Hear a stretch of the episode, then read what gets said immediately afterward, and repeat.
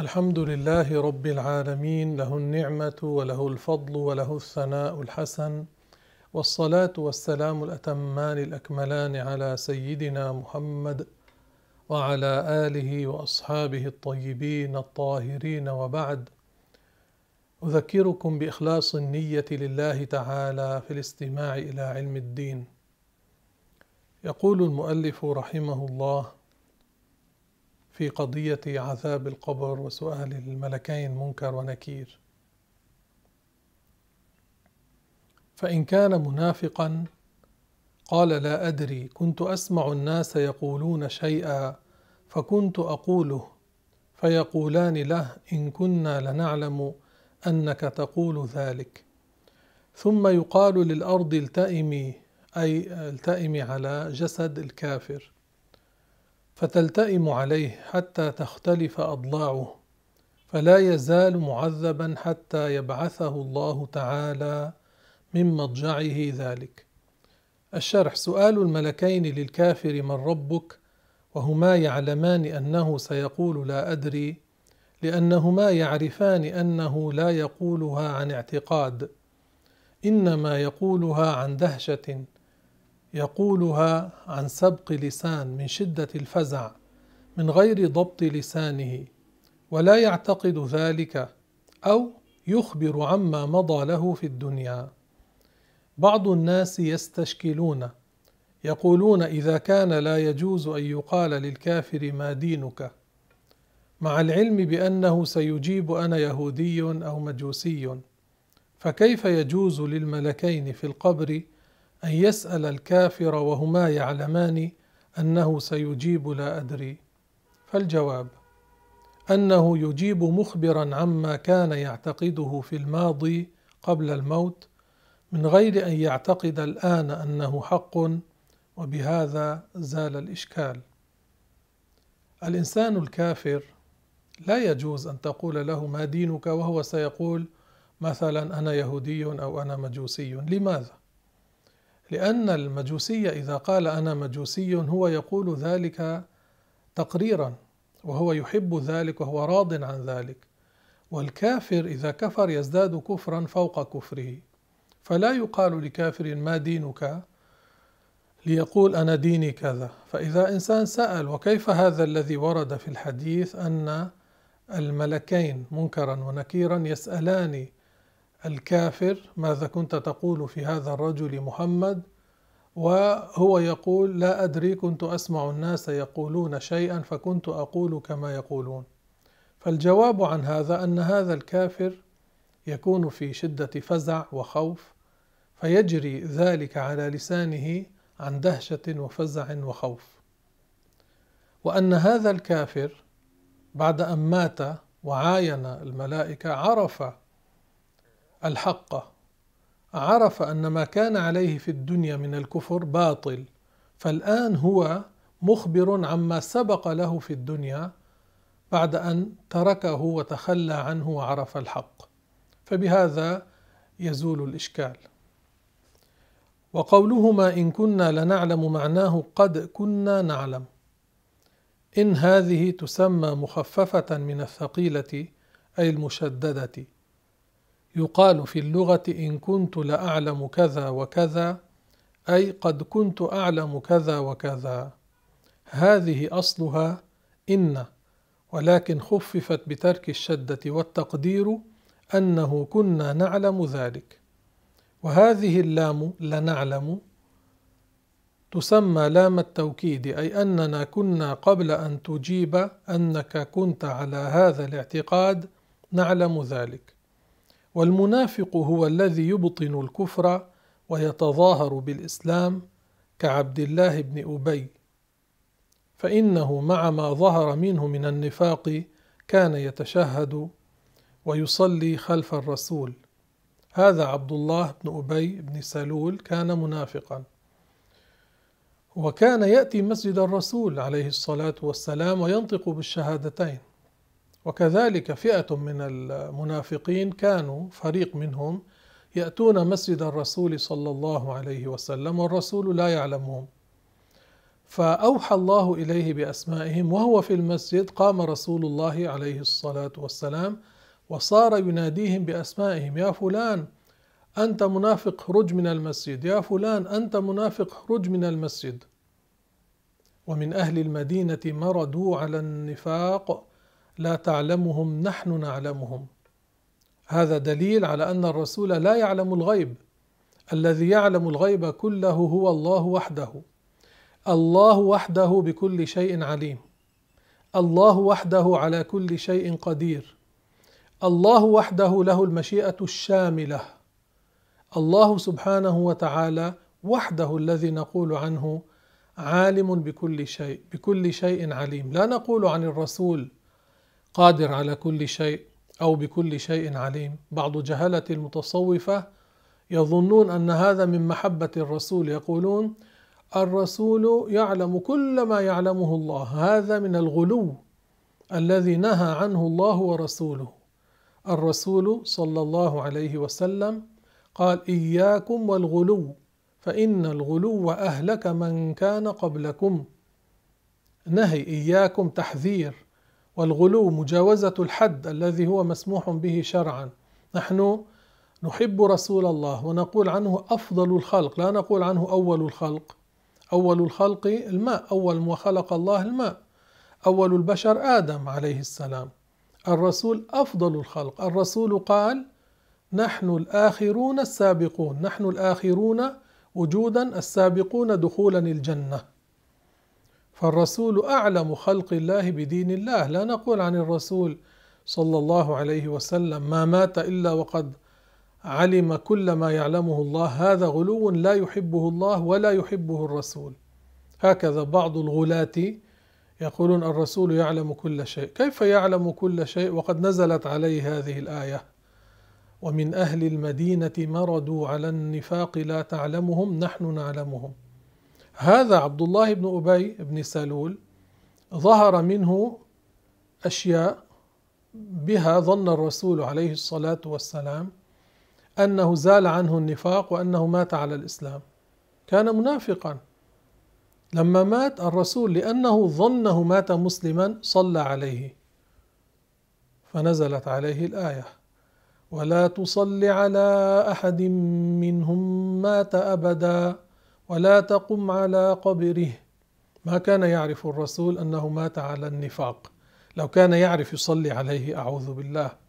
هذا يعد تلاعبا بالدين. مستحيل على الرسول صلى الله عليه وسلم.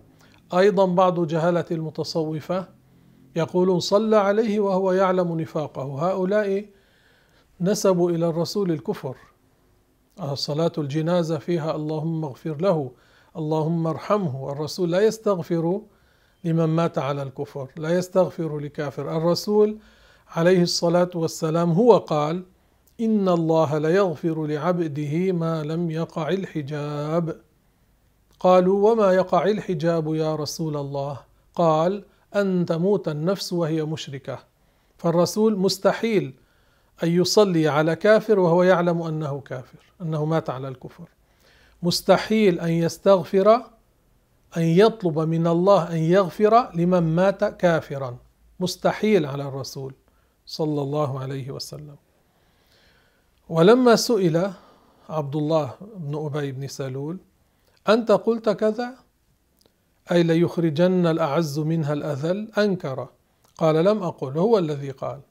ومراده بالأعز نفسه وبالأذل الرسول صلى الله عليه وسلم. لكن الرسول صلى الله عليه وسلم كان يجري عليه أحكام المسلم لأنه لم يعترف بل بقي متظاهرا بالإسلام فكان الرسول يجري عليه في الظاهر أحكام المسلم وعندما مات ظن أي حكم عليه بالإسلام بناء على الظاهر ظن الرسول أنه زال عنه النفاق وبناء على هذا الظن صلى عليه. هذا هو الصواب كما قال الحافظ ابن حجر وغيره. وأما من قال إن الرسول كان يعلم أنه بعد منافق كافر ثم صلى عليه فقد جعل الرسول متلاعبا بالدين جعله كأنه يقول في صلاته عليه على المنافق اللهم اغفر لمن لا تغفر له وذلك كفر والعياذ بالله. ثم يقال للأرض التائم عليه فيضيق عليه القبر حتى تتشابك أضلاعه. هذا الإنسان الكافر يأتي ضلعه الذي على اليمين إلى اليسار والذي على اليسار إلى اليمين ثم هذا العبد لا يزال معذبا بهذا العذاب حتى يبعثه الله. ثم بعد أن يبعث يعذب بأشياء غير التي كان يعذب بها وهو في القبر. ثم بعد دخوله النار يكون أشد وأشد.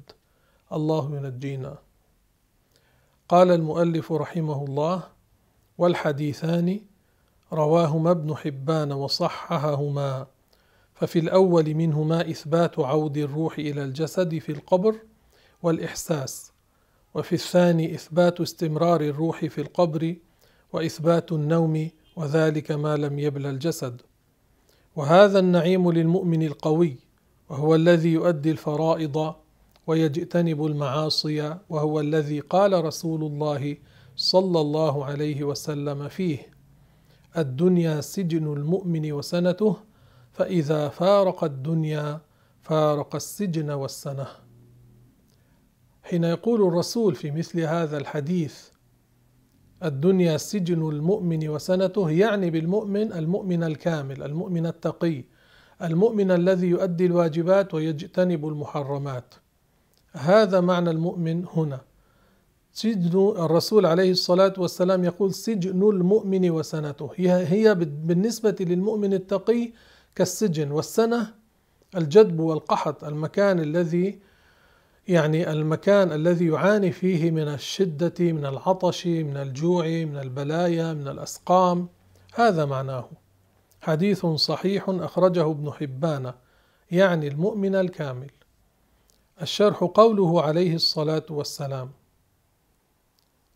سجن المؤمن أي بالنسبة لما يلقاه من النعيم في الآخرة الدنيا كالسجن.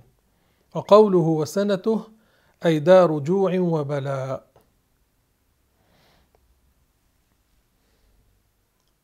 قال المؤلف رحمه الله. ثم إذا بلي الجسد كله ولم يبق إلا عجب الذنب يكون روح المؤمن التقي في الجنة.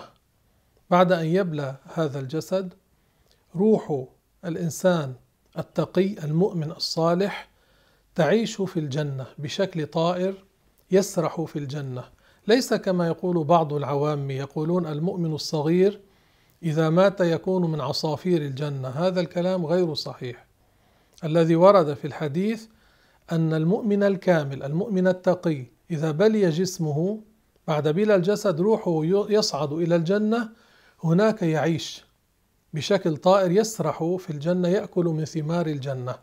هذا لروح المؤمن التقي بعد بلا الجسد. ليس كما يقول بعض جهلة العوام روح المؤمن إن المؤمن الصغير إن الصبي الصغير إذا مات يكون من عصافير الجنة. هذا الكلام غير صحيح. وتكون أرواح عصاة المسلمين أهل الكبائر الذين ماتوا بلا توبة بعد بلا الجسد فيما بين السماء والأرض وبعضهم في السماء الأولى. وتكون أرواح الكفار بعد بلا الجسد في سجين وهو مكان في الأرض السفلى. هذا مكان في الأرض السفلى السابعة هو مستقر أرواح الكفار بعد بلا أجسادهم إلى أن يأتي يوم القيامة. فيعاد الجسد ويرجع هذا الروح إلى الجسد ويحاسب هذا الإنسان ثم يدخل جهنم بجسده وروحه. الروح لا تحضر عند هؤلاء الدجالين الذين يقولون نحضر الأرواح لا تسمعوا لهم ولا تصدقوهم. كل إنسان منا معه قرين. الرسول عليه الصلاة والسلام قال إن أحدكم وكل به قرينه من الجن وقرينه من الملائكة. لما يموت هذا الشخص عادة هذا القرين يعيش طويلا. فيأتي هؤلاء الدجاجله الذين يقولون نحضر الأرواح نحضر الأرواح. يأتي إليهم الشخص ويدفع لهم الفلوس يدفع لهم المال فيستدعون شياطينهم تستدعي القرين الذي كان مع الشخص. تستدعي القرين الذي كان مع الشخص. فيقول أنت روح فلان؟ يقول نعم. ثم يحدثه للشخص الدافع للمال بأشياء لا يعرفها الناس عنه والقرين كان معه. فيقول ها لجهله هذا روح فلان. هذا الكلام كذب. الإنسان المؤمن الصالح يأتيه عزرائيل بهيئة حسنة تأتيه ملائكة الرحمة يقعدون منه على مدى ينظرون إليه نظر احترام فيفرح فرحا عظيما. يأتيه عزرائيل بصورة جميلة يقول له السلام عليك يا ولي الله أبشر برحمة الله ورضوانه. يفرح فرحا عظيما. ثم عزرائيل يأخذ الروح لا يتركها في يده طرفة عين ثم يسلمها لملائكة الرحمة. يأخذون الروح يصعدون به الملائكة تزفه من الأرض إلى السماء الله تعالى يجعلنا من هؤلاء. ثم كل سماء لها خازن وعليها ملائكة. كل سماء لها خازن وعليها ملائكة خزنة. هؤلاء يقال لهم خزنة المتصرفون هناك. السماء الأولى خازنها إسماعيل عليه السلام تحت يده اثنا عشر ألفا من الملائكة. يقول الملائكة يستأذنون للدخول كل سماء لها باب. فيقول الملائكة لهؤلاء الذين يحملون روح المؤمن الطيب روح من هذا؟ فيقولون روح فلان ابن فلان. فيقولون مرحبا بالروح الطيب والروح يسمع ويفرح يحصل له فرح عظيم عظيم. وهكذا يزف إلى أن يوصل به إلى عليين وهو سجل أهل السعادة. يسجل اسمه هناك ثم ينزلون بالروح يمشون مع الجسد.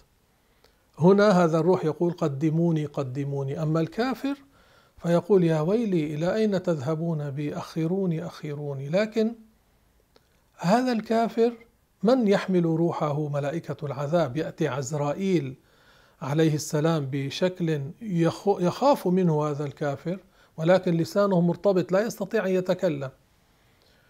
فيقول له عزرائيل أبشر بعذاب الله وسخطه.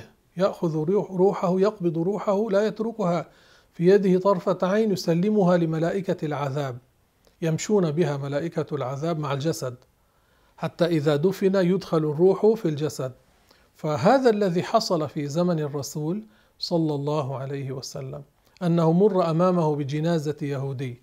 ما معنى هذا؟ الجسد يمشي الملائكة ملائكة العذاب يحملون الروح. فوقف رسول الله وبين لما وقف. قال إنما قمت للملائكة. أي قمت إعظاما تعظيما للملائكة لأن الملائكة أولياء الله إن كانوا ملائكة العذاب وإن كانوا ملائكة الرحمة. فبعض الجهال يقولون الرسول قام احتراما لجنازة الميت. الرسول لا يحترم الكفار. اليهودي كافر. والرسول بين لما قام لما تفترون على الرسول عليه الصلاة والسلام؟ قال إنما قمت للملائكة. فقام الرسول تعظيما للملائكة. هذا معنى ما فعل رسول الله صلى الله عليه وسلم.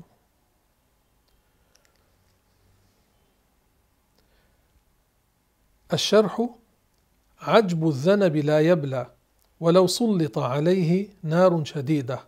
وهو عظم صغير قدر حبة خردلة.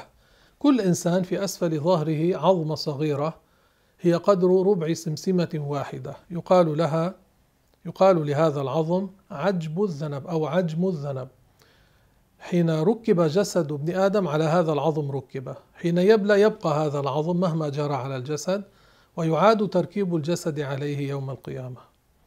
وقد ورد في الصحيح منه خلق الإنسان وعليه يركب.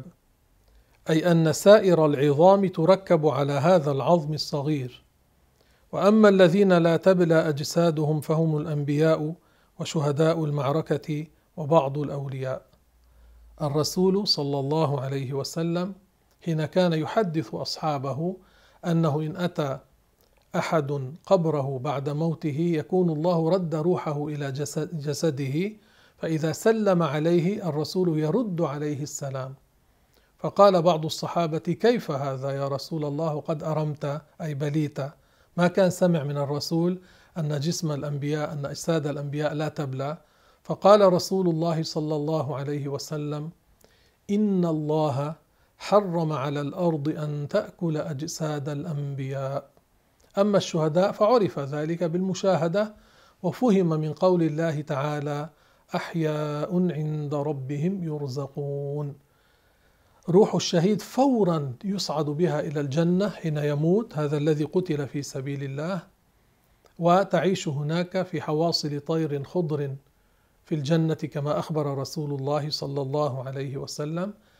الروح يتنعم فيصل أثر النعيم إلى الجسد فيبقى الجسد كما هو طريا الدم يجري في العروق. هذا لشهيد المعركة. الله يرزقنا ذلك. وبعض الأولياء تواتر مشاهدة ذلك أن اجسامهم تبقى كما هي. قال المؤلف رحمه الله وأما الشهداء فتصعد أرواحهم فورا إلى الجنة. تنبيه يستثنى من السؤال الأنبياء يعني من سؤال القبر والشهداء أي شهداء المعركة وكذلك الطفل أي الذي مات دون البلوغ فهؤلاء لا يسألون في القبر. الشرح الشهداء الذين ماتوا وهم يقاتلون في سبيل الله خصهم الله بمزايا عديدة منها أنهم لا تبلى أجسادهم وتصعد أرواحهم فورا إلى الجنة. وقد ورد في الحديث الذي رواه مسلم وغيره أرواحهم في جوف طير خضر لها قناديل معلقة بالعرش تسرح من الجنة حيث شاءت. ثم تأوي إلى تلك القناديل. والمعنى أنهم قبل يوم القيامة تكون أرواحهم في حوصلة هذه الطيور يطيرون في الجنة ويأكلون من ثمارها. أما يوم القيامة فكل واحد منهم يأخذ متبوأه الخاص. يأخذ متبوأه الخاص. لا يدخلون في حواصل الطيور التي في الجنة. والأولياء والوليات بعدما يأكل التراب أجسادهم هذا يعني الصنف الذين يأكل التراب أجسادهم. بعدما يأكل التراب أجسادهم أرواحهم تصعد إلى الجنة فتسرح في الجنة بشكل طائر ليس بشكل جسده الذي كان عليه في الدنيا. الروح يتشكل بشكل طائر فيأكل ثم يدخلون الجنة آمنين. وفي ذلك ورد الحديث إنما نسمة المؤمن طير يعلق في شجر الجنة حتى يرجعه الله إلى جسده يوم يبعثه. رواه مالك. أرواحهم بعد بلا أجسامهم تكون في الجنة تأكل من أشجار الجنة لكن لا يتبوؤون المكان الذي هيئ لهم ليدخلوه في الآخرة. إنما لهم مكان ينطلقون فيه في الجنة فيأكلون من أشجارها ومن ثمارها. قال المؤلف رحمه الله فإن قيل كيف يمكن سؤال عدد كثير من الأموات؟ فالجواب ما قال الحليمي إن الأشبه أن يكون ملائكة السؤال جماعة كثيرة. يسمى بعضهم منكرا وبعضهم نكيرا. فيبعث إلى كل ميت اثنان منهم.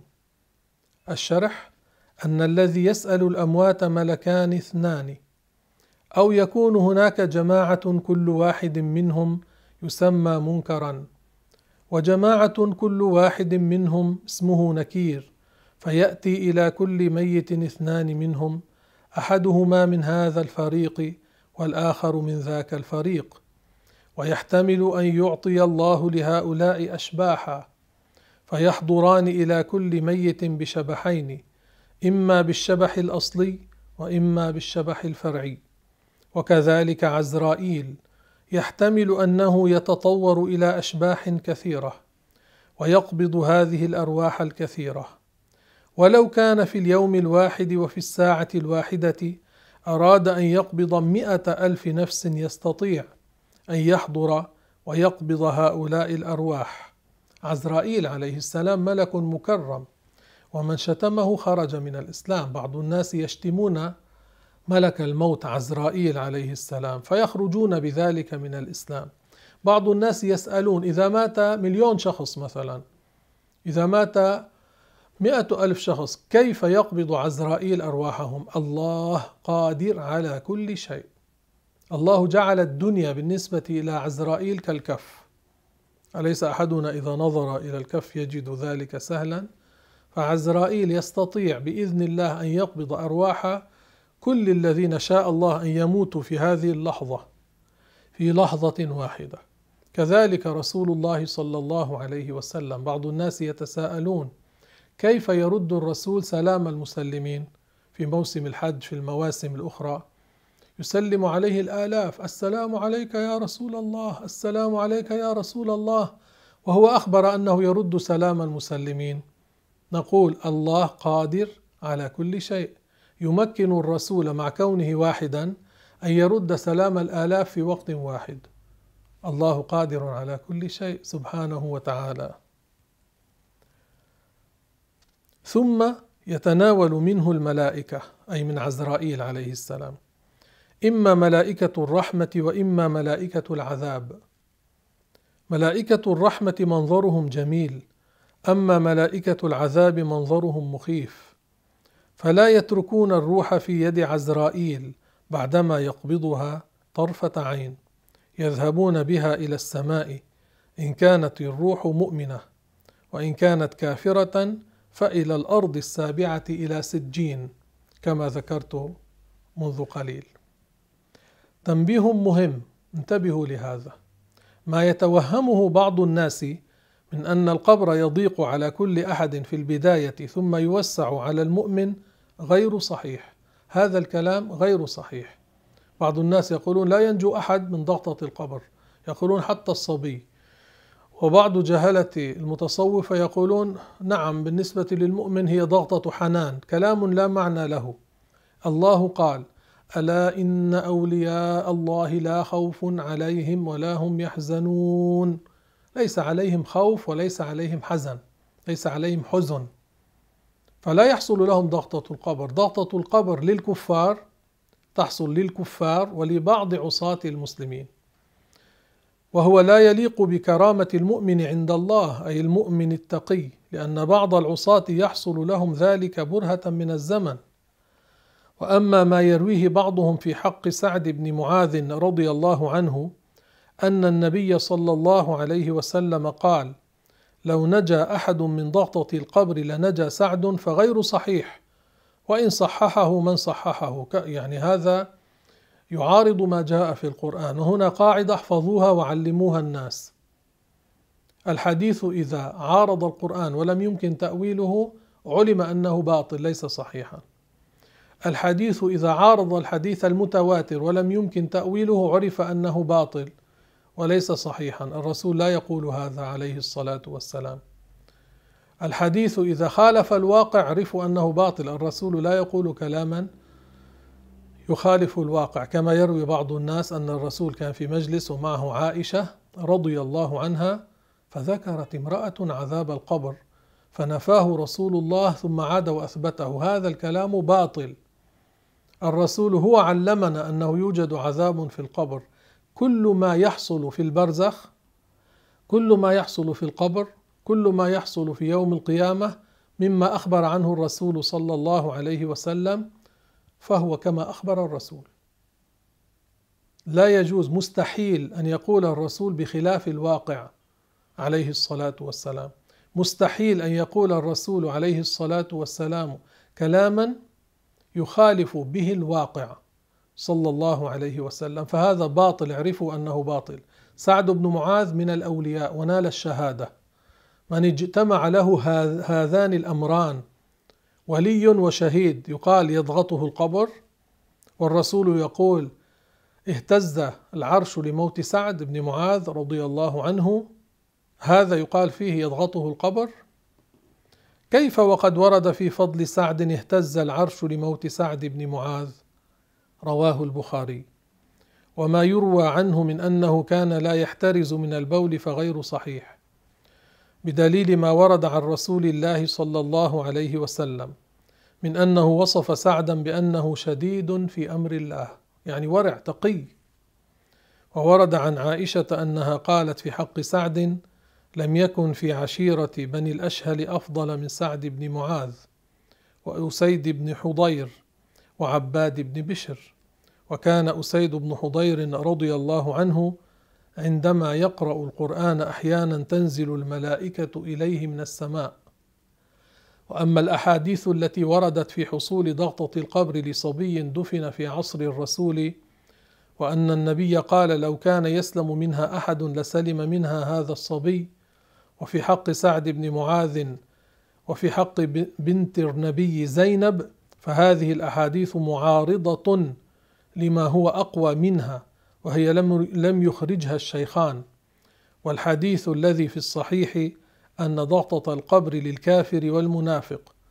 فكيف يقال إنها تصيب كل ميت إلا الأنبياء؟ ومما يمنع صحة ما ورد في حق سعد من ضغطة القبر أنه كان شهيدا لأنه مات من جرح أصيب به في غزوة الخندق. والحديث الصحيح الوارد في حقه أنه اهتز عرش الرحمن لموت سعد. فكيف يصح في حقه مع هذين الأمرين أن يعذب بضغطة القبر؟ وتدفع تلك الأحاديث أيضا بالآية. ألا إن أولياء الله لا خوف عليهم ولا هم يحزنون. وسبحان الله وبحمده والحمد لله رب العالمين. ربنا آتنا في الدنيا حسنة وفي الآخرة حسنة وقنا عذاب النار. اللهم تقبل منا طاعاتنا. اللهم اجعلنا من عبادك الأبرار. اللهم اجعل الحياة زيادة لنا في كل خير واجعل الموت راحة لنا من كل شر. اللهم أصلح لنا ديننا الذي فيه عصمة أمرنا وأصلح لنا آخرتنا التي فيها معادنا. اللهم أصلحنا وأصلح بنا وأصلح أهالينا وذرياتنا. اللهم اجعلنا من عبادك المتقين الصابرين. اللهم اجعلنا من الذين لا خوف عليهم ولا هم يحزنون. والحمد لله أولا وآخرا. نهلل. لا إله إلا الله. لا إله إلا الله. لا إله إلا الله. اللهم صل على سيدنا محمد وعلى آله وصحبه وسلم. اللهم صل على سيدنا محمد وعلى آله وصحبه وسلم. اللهم صل على سيدنا محمد وعلى آله وصحبه وسلم. رب اغفر للمؤمنين والمؤمنات. رب اغفر للمؤمنين والمؤمنات.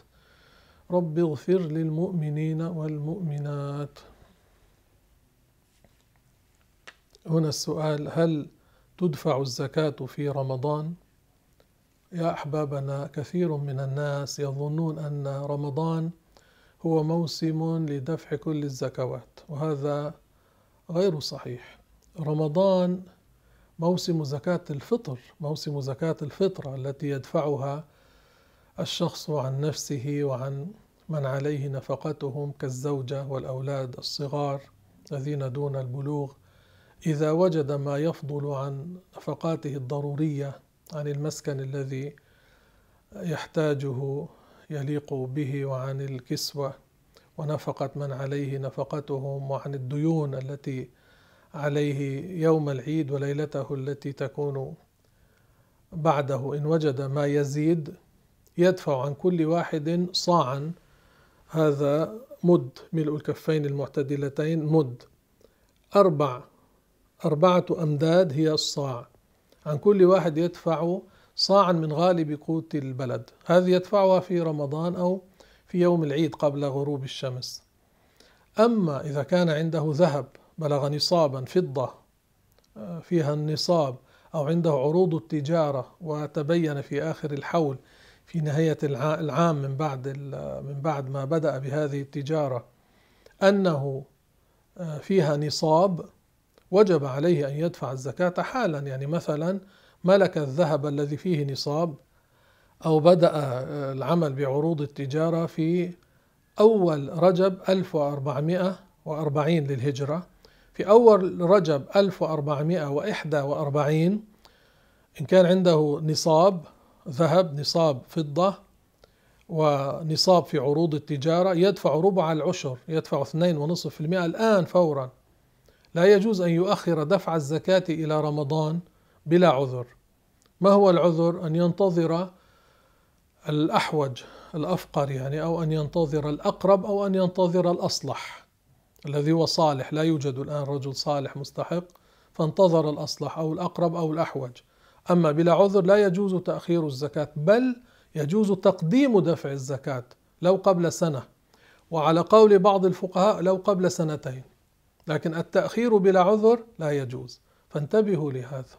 أكثر الناس يعتبرون رمضان موسما لدفع كل أنواع الزكاة وهذا غير صحيح. هنا سؤال إذا إنسان سألنا الإنسان مسير أم مخير بماذا نجيبه؟ مهم معرفة الجواب على هذا مهم. الجواب الإنسان مختار تحت مشيئة الله. يعني الإنسان له اختيار لكن لا يخرج عن مشيئة الله. مشيئة الله إرادته. مشيئة الله المشيئة معناها تخصيص الممكن العقلي ببعض ما يجوز عليه دون بعض. يعني أنا من الممكنات العقلية. ما معنى ممكن عقلي؟ الذي يجوز عليه الوجود والعدم يقال عنه ممكن عقلي. كل ما دخل في الوجود ممكن عقلي. أنا لم أكن موجودا ثم صرت موجودا بإيجاد الله فأنا من الممكنات. من خصصني ببعض الصفات التي تجوز علي دون بعض مما يجوز علي؟ يعني لما أنا بهذا الطول بهذا العرض بهذا الصوت في هذا المكان الآن بتخصيص من الله سبحانه وتعالى. قال الله تعالى وما تشاءون الا ان يشاء الله رب العالمين. مشيئتنا تابعه تحت مشيئه الله سبحانه وتعالى. وقال الطحاوي لا مشيئه لهم الا ما شاء لهم. لا مشيئه للعباد الا ما شاء لهم. يعني العباد لا يشاءون الا اذا شاء الله لهم ان يشاءوا. والله لا يسال عما يفعل. كل شيء انتبهوا يا أحبابنا كل شيء بعلم الله ومشيئة الله وتقدير الله وتخليق الله. بعض أدعياء العلم من أهل هذا العصر أنا سمعته في تسجيل له يقول ما يحصل من الإنسان بإرادته يقول ليس بقضاء الله وقدره هذا كفر تكذيب للقرآن. الله تعالى قال أنا كل شيء خلقناه بقدر الله تعالى قال وخلق كل شيء فقدره تقديرا. قال وما تشاءون إلا أن يشاء الله. ليس للعباد مشيئة إلا أن يشاء الله لهم أن يشاءوا. فالإنسان مختار تحت مشيئة الله ليس مجبورا على ما يحصل منه بلا اختيار. وليس مستقلا عن الله سبحانه وتعالى مختار تحت مشيئة الله خلق من خلق الله نحن نسلم لله ومن سلم لله سلم.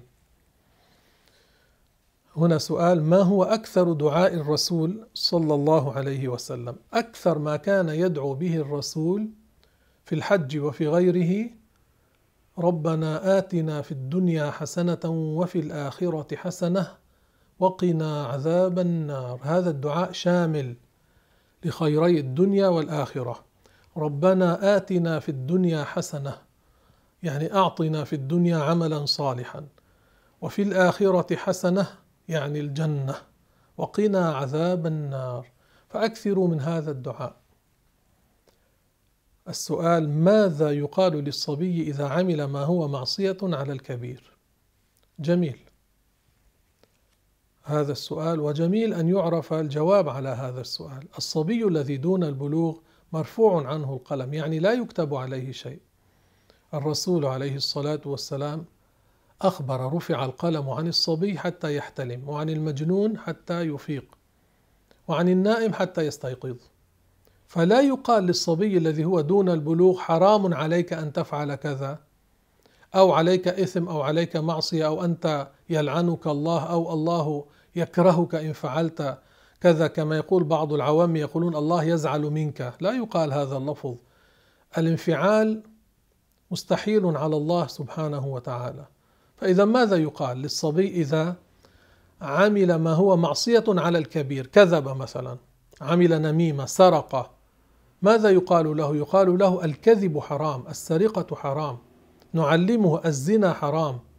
ضرب المسلم بغير حق حرام. لا نقول له يكتب عليك إثم حرام عليك تعلموا ثم تكلموا. فضوا هذه الجملة تعلموا ثم تكلموا. كل كلمة تقولونها تسجل لأن بعض الناس يقول يا أخي ما قصدت ما نويت ما عرفت ما كنت أعلم. هل أؤاخذ على ذلك؟ هل الحكي عليه جمرك؟ هكذا يقولون.